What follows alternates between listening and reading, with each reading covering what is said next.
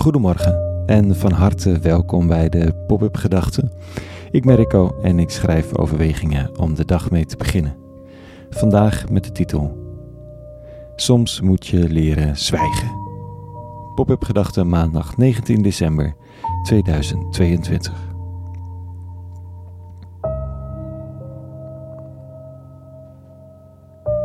Het was met weekje wel vorige week. De lange treinreis naar Polen. Nog even een pop-up gedachte vanuit een stationsrestauratie op de vroege ochtend. En daarna was het voorbij met de schrijverij. Onmogelijk om nog in die intense omgeving met allemaal helpers en activisten op een kluitje op zolder de ruimte te vinden om te lezen, te schrijven en te delen. Laat staan op te nemen. Buiten vroor het 10 graden onder nul. Binnen wachten jonge mensen alert rondom de tafel op een oproep uit het bos. Die zou worden doorgegeven door een centrale alarmtelefoon. Samen hadden ze dit systeem opgezet met geheime nummers en codenamen. Bij hoge uitzondering mocht ik bij hen overnachten. Normaal gesproken kwamen er geen mensen van buiten in. Het adres was onbekend en dat moest zo blijven. Die middag hadden ze nog twee Cubanen in de bossen ontmoet. Gevlucht uit hun eigen land, gelokt naar Wit-Rusland in de hoop op een weg naar Europa te vinden en vervolgens de grens over gedwongen. In de sneeuw en de vrieskou, door rivieren en dicht bos, zich schuilhoudend voor drones, helikopters en warmtecamera's van de Poolse politie en grenswacht, die hen onverbiddelijk weer in het Wit-Russische deel van het bos zou dumpen. Een van hen was zijn schoenen verloren en liep al een tijdje met blote voeten. Derde graads vrieswonden. We praten er onder elkaar over, dat wel, maar niets kwam naar buiten. En waar het al helemaal niet over ging, was het feit dat zo heel af en toe ook iemand per auto uit het gebied werd gebracht. De zwaarste beschuldiging aan het adres van deze mensen zou mensensmokkel zijn. Een beschuldiging die altijd op de loer ligt en waar ze alle mogelijke maatregelen voor nemen om daar niet van beschuldigd te kunnen worden. De gevangenisstraffen hiervoor zijn hoog. Heel hoog. Toch moet het soms, het risico, en dan praten we er niet over. Zo leren we zwijgen. Zo leer ik zwijgen over wie precies en waar precies. Niet over het waarom precies. Dat niet. In de lezing van vandaag leert de hoge priester zwijgen. Hij praat te veel, hij twijfelt te veel, hij verraadt niet anderen of het eigen werk, hij verraadt zijn eigen twijfel. En dan moet hij leren zwijgen.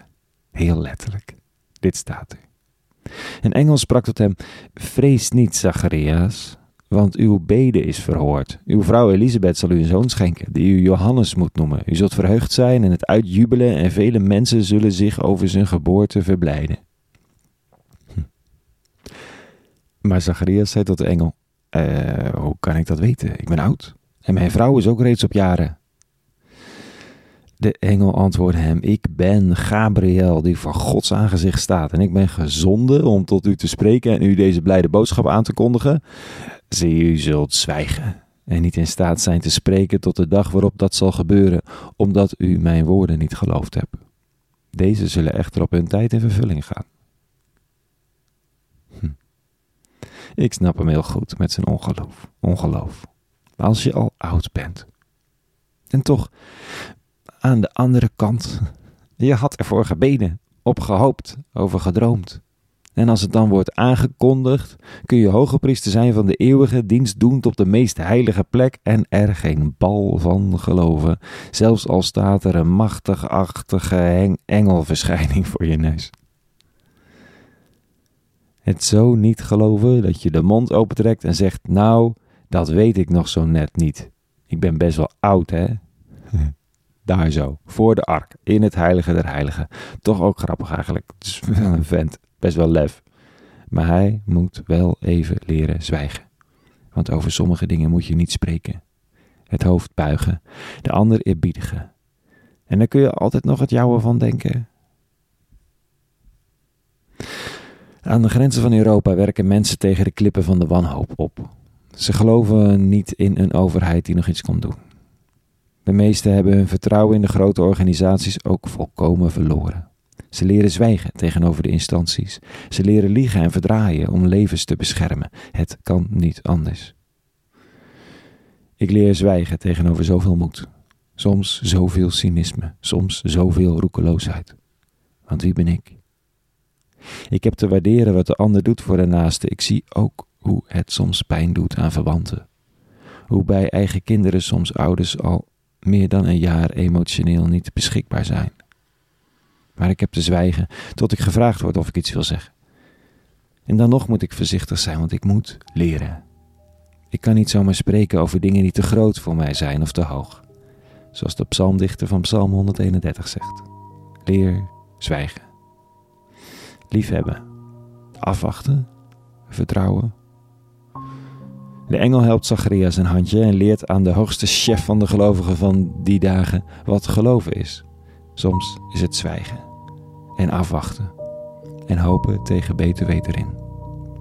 Tot er iets nieuws geboren wordt. Tot zover vandaag de pop-up gedachten. Meer te vinden op popupgedachten.nl. Je kunt er ook doneren, zou super fijn zijn. Dan houden we dit nog verder in leven en vrede en alle goeds.